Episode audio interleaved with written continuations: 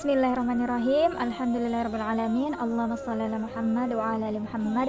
Assalamualaikum warahmatullahi wabarakatuh. Sobat Ceks Cendekia Siroh Kembali lagi, lagi kembali di channel Cendekia Siroh Alhamdulillah sekarang kita udah memasuki part 4 kisah Sayyidah Khadijah binti Khuwailid radhiyallahu anha.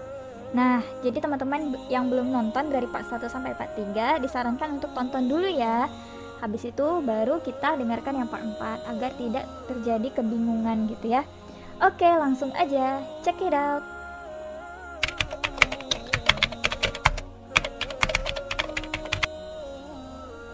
Nah, teman-teman diriwayatkan dalam riwayat yang lemah bahwa yang diminta Khadijah untuk menyampaikan kesedihan beliau di persunting Rasulullah Sallallahu Alaihi Wasallam adalah teman dekatnya yang bernama Nafisah binti Maniyah atau Muniyah ya.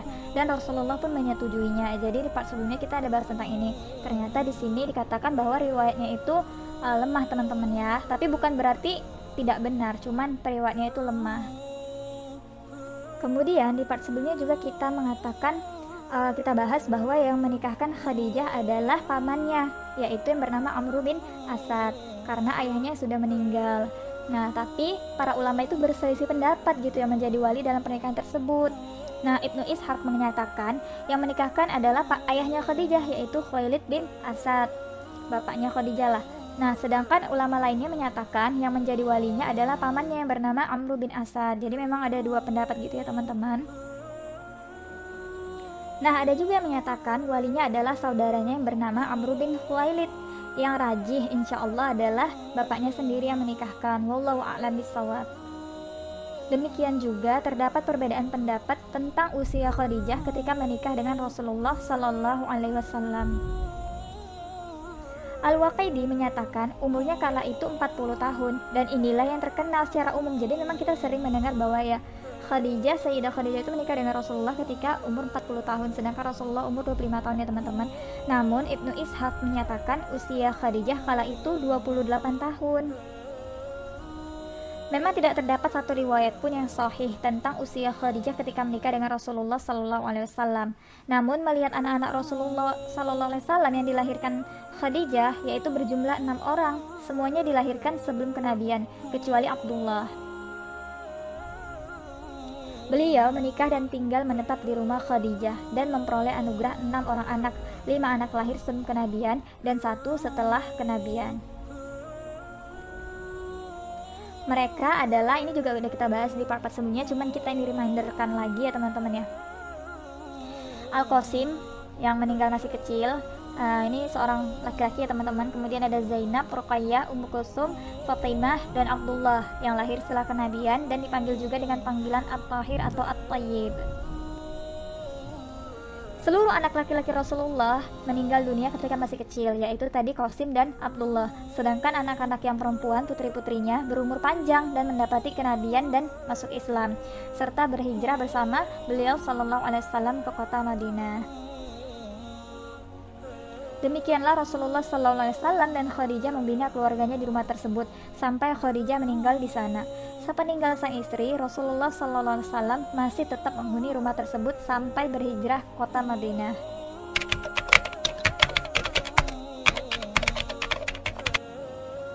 Umur Nabi SAW ketika menikah dengan Khadijah adalah 25 tahun, sedangkan umur Khadijah saat menikah dengan Rasulullah diperselisihkan oleh para ulama dalam dua pendapat. Satu, pendapat pertama, sebagaimana yang diriwayatkan oleh Ibnu Sa'd dalam tabakotnya melalui jalan Al-Waqidi Muhammad bin Umar bahwa umur Khadijah adalah 40 tahun. Tetapi periwayatan Al-Waqidi di sisi para ahli hadis tidak diterima karena statusnya matruk. Pendapat kedua, Ibnu Ishaq menyebutkan bahwasanya umur Khadijah ketika menikah dengan Nabi adalah 28 tahun dan inilah pendapat yang masyur di masyarakat karena kitab sirah yang banyak tersebar di masyarakat adalah kitab sirah Ibnu Hisham yang merupakan ringkasan dari kitab sirah Ibnu Ishaq. Namun, kedua pendapat di atas tidak disokong dengan dalil yang kuat. Pendapat pertama, di dalam sanatnya ada perawi yang ditinggalkan riwayatnya atau matrukul hadis, yaitu Al-Waqidi. Sedangkan yang kedua yaitu pendapat Ibnu Ishaq, tidak ada sanatnya. Oleh karena itu, usia Khadijah menikah dengan Nabi bisa jadi berusia 40 tahun atau 28 tahun. Hal yang menguatkan pendapat bahwa umur Khadijah tatkala menikah dengan Rasulullah adalah 28 tahun, yaitu setelah menikah dengan Nabi, beliau melahirkan enam orang anak, yaitu Al-Qasim, Ruqayyah, Ummu Kulsum, Zainab, Fatimah, dan Abdullah. Sulit terbayangkan seorang wanita berumur 40 tahun masih bisa produktif melahirkan enam orang anak. Wallahu a'lam bishawab. Namun, ada dalil pula yang menguatkan bahwasannya Khadijah itu menikah uh, ketika umur 40 tahun karena Khadijah hidup bersama Nabi selama 25 tahun. Seandainya Khadijah menikah di umur 28 tahun, maka Khadijah akan meninggal sekitar 50 53 tahun kan teman-teman. Kalau misalnya Khadijah umur 28 tahun menikah dengan Rasulullah. Dan umur 50, 53 tahun ini seorang wanita tuh uh, masih terlihat cantik dan ada sebuah hadis dari Aisyah radhiyallahu anha yang menceritakan Nabi SAW jika menyebut tentang Khadijah, maka ia pun memujinya dengan pujian yang sangat indah. Sehingga pada suatu hari aku cemburu. Aku berkata, terlalu sering engkau menyebut-nyebutnya. Ia seorang wanita yang sudah tua atau ompong. Allah telah menggantikannya buatmu dengan wanita yang lebih baik darinya. Maka Nabi berkata, Allah tidak menggantikannya dengan seorang wanita pun yang lebih baik darinya. Ia telah beriman kepadaku tatkala orang-orang kafir kepadaku. Ia telah membenarkan aku tatkala orang-orang mendustakan ia telah membantuku dengan hartanya tatkala orang-orang menahan hartanya tidak membantuku dan Allah telah menganugerahkan darinya anak-anak tatkala Allah tidak menganugerahkan kepadaku anak-anak dari wanita-wanita lain. Hadis riwayat Ahmad.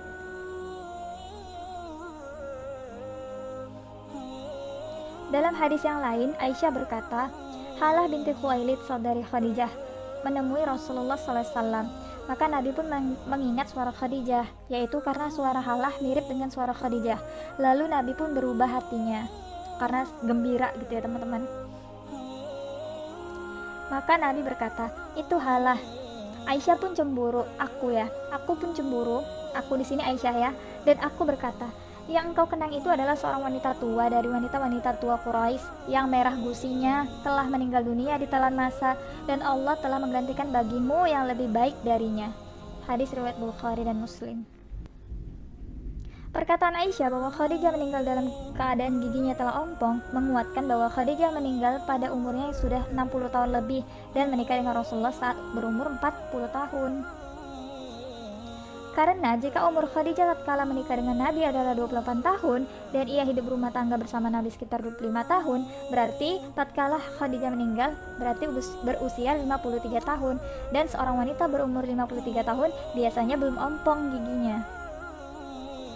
Berbeda jika tatkala ia meninggal berumur 65 tahun, maka kemungkinan sudah ompong sangat besar dan wanita 40 tahun mungkin saja masih bisa melahirkan, apalagi orang-orang Arab. Wallahu a'lam bishawab.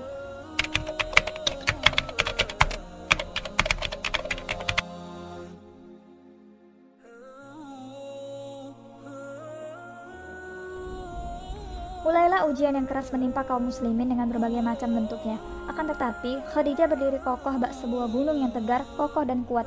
Beliau wujudkan firman Allah Ta'ala. Apakah manusia itu mengira bahwa mereka dibiarkan saja mengatakan kami beriman, sedangkan mereka tidak diuji lagi? Quran Surah Al-Ankabut ayat 1 sampai Bantuan Ummul Mukminin setelah taufik dari Allah terhadap dakwah amatlah banyak. Kalau seandainya kita sebutkan satu saja sebagai orang pertama yang beriman, tentu itu sudah cukup sebagai keutamaan beliau. Itu sangat penting bagi Rasulullah, sangat penting untuk beliau diterima di lingkungannya, karena istrinya adalah orang pertama yang beriman. Setelah memeluk Islam, beliau korbankan hidupnya. Kehidupan yang tenang dan nyaman berubah menjadi kehidupan yang menantang dan penuh gangguan. Kehidupan dakwah, jihad, dan pengepungan. Keadaan tersebut sama sekali tidak mengurangi rasa cintanya kepada suaminya. Bahkan ia bertambah cinta kepada sang suami, bertambah cinta pula terhadap agama yang ia bawa. Ia senantiasa mendampingi dan mendukungnya mencapai tujuan yang diperintahkan Allah Ta'ala. Terkadang juga Khadijah merasa sangat khawatir dengan Rasulullah, sehingga beliau mengirimkan utusan ke tengah kota Mekah untuk memberi kabar Rasulullah supaya Khadijah merasa tenang dan damai selama ditinggal oleh Rasulullah. Terkadang juga Khadijah mengutus anaknya yang masih kecil Fatimah agar berjalan dan ikut di belakang Rasulullah untuk melindungi beliau dari hal yang membahayakan Rasulullah serta dapat mencegah mereka mencaci maki Rasulullah jika Fatimah ikut bersama beliau. Perhatian Khadijah semakin bertambah di saat Rasulullah mulai melakukan dakwah yang secara terang-terangan karena masyarakat yang membenci beliau juga terang-terangan mau membunuhnya.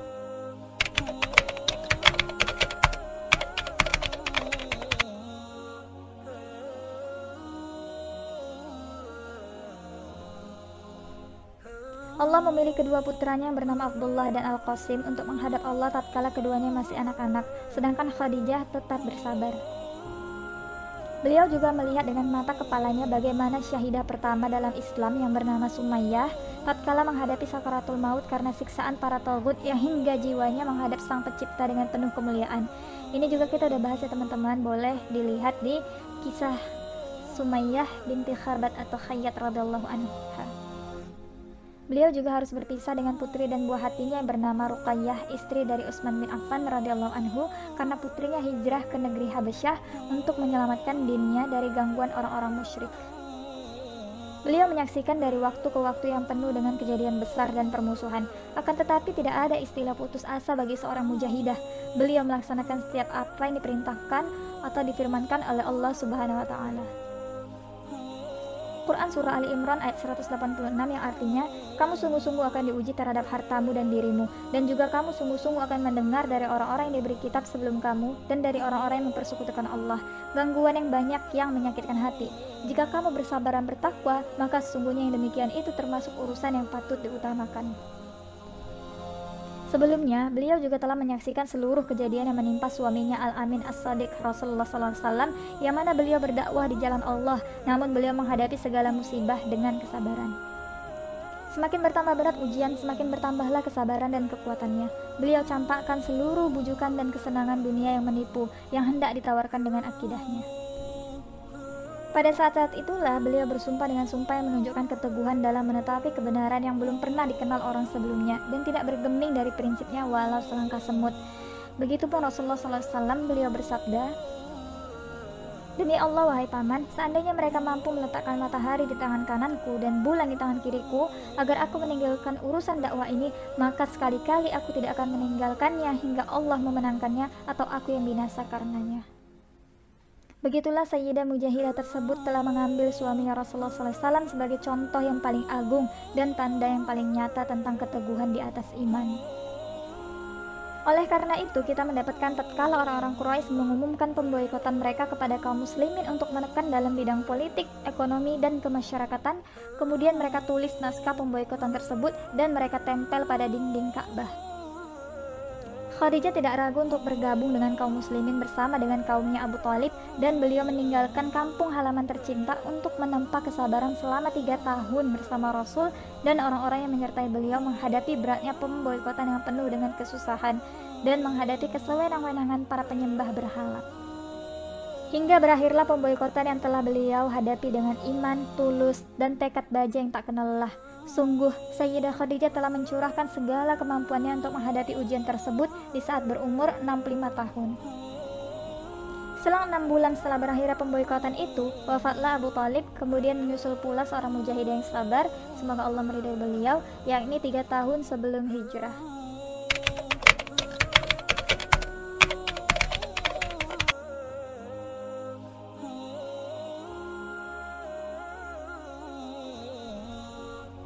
Kisah lain yang akan lebih menguatkan bagaimana Khadijah sangat berperan dalam mendukung perjuangan dakwah Rasulullah adalah ketika Rasulullah SAW bangkit menyampaikan risalah tampil menyeru kaumnya untuk mengeluarkan mereka dari kegelapan kepada cahaya.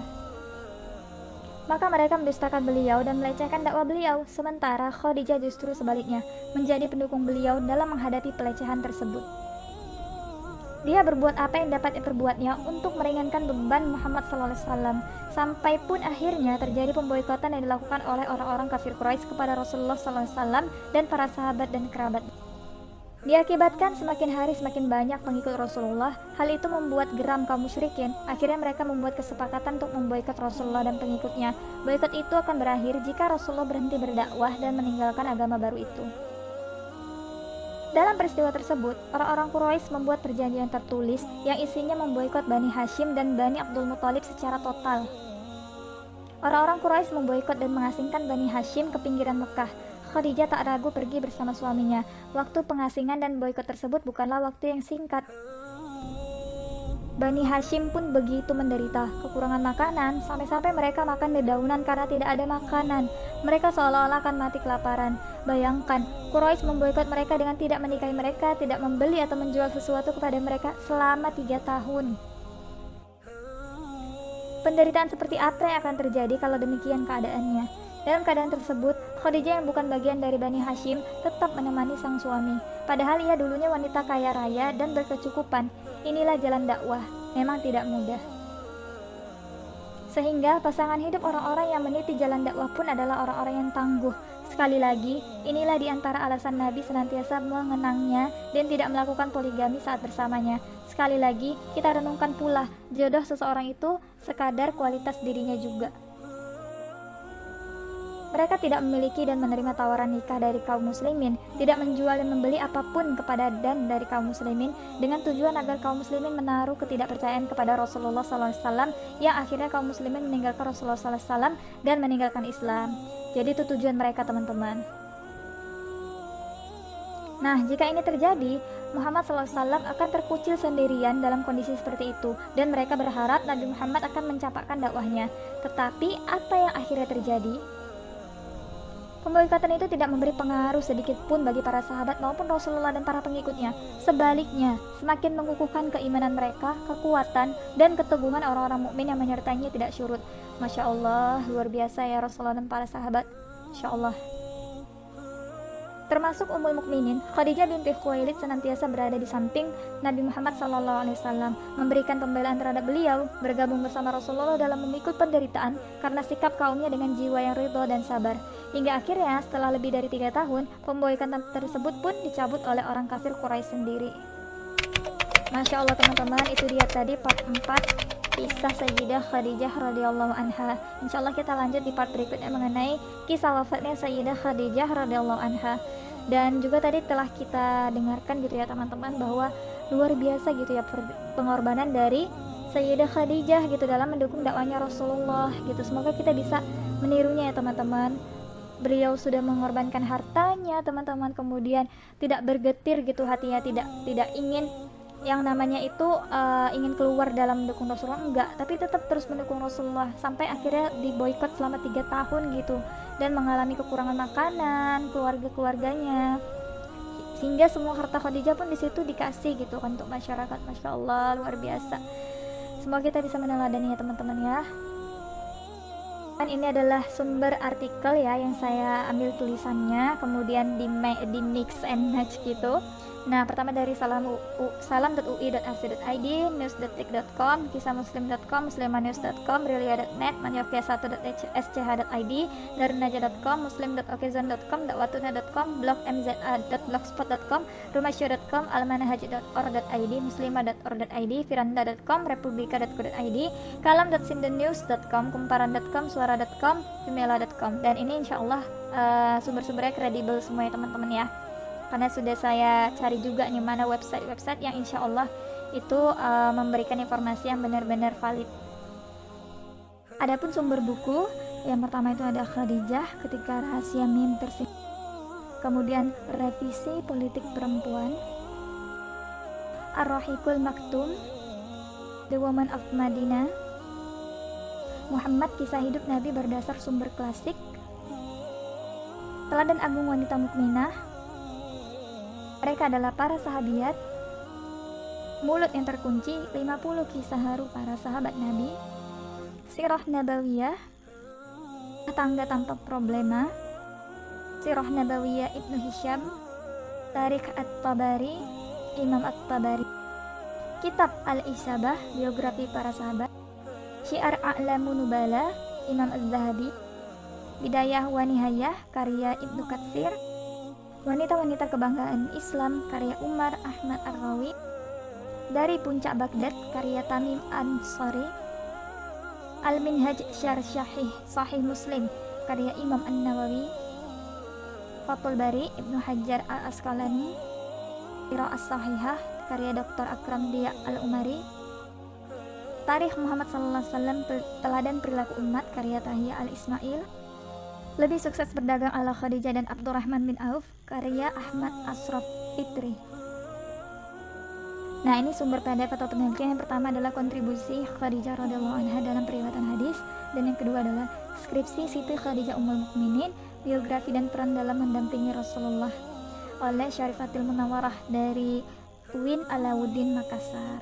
Jazakumullah khairan katsiran kepada semua teman-teman yang udah um, saya ambil gitu ya uh, tulisan-tulisannya semoga menjadi amal jariah dan semoga uh, bermanfaat gitu untuk kita semua Oke teman-teman, sekian wallahu a'lam bishawab. Jazakumullah khairan katsiran telah menonton.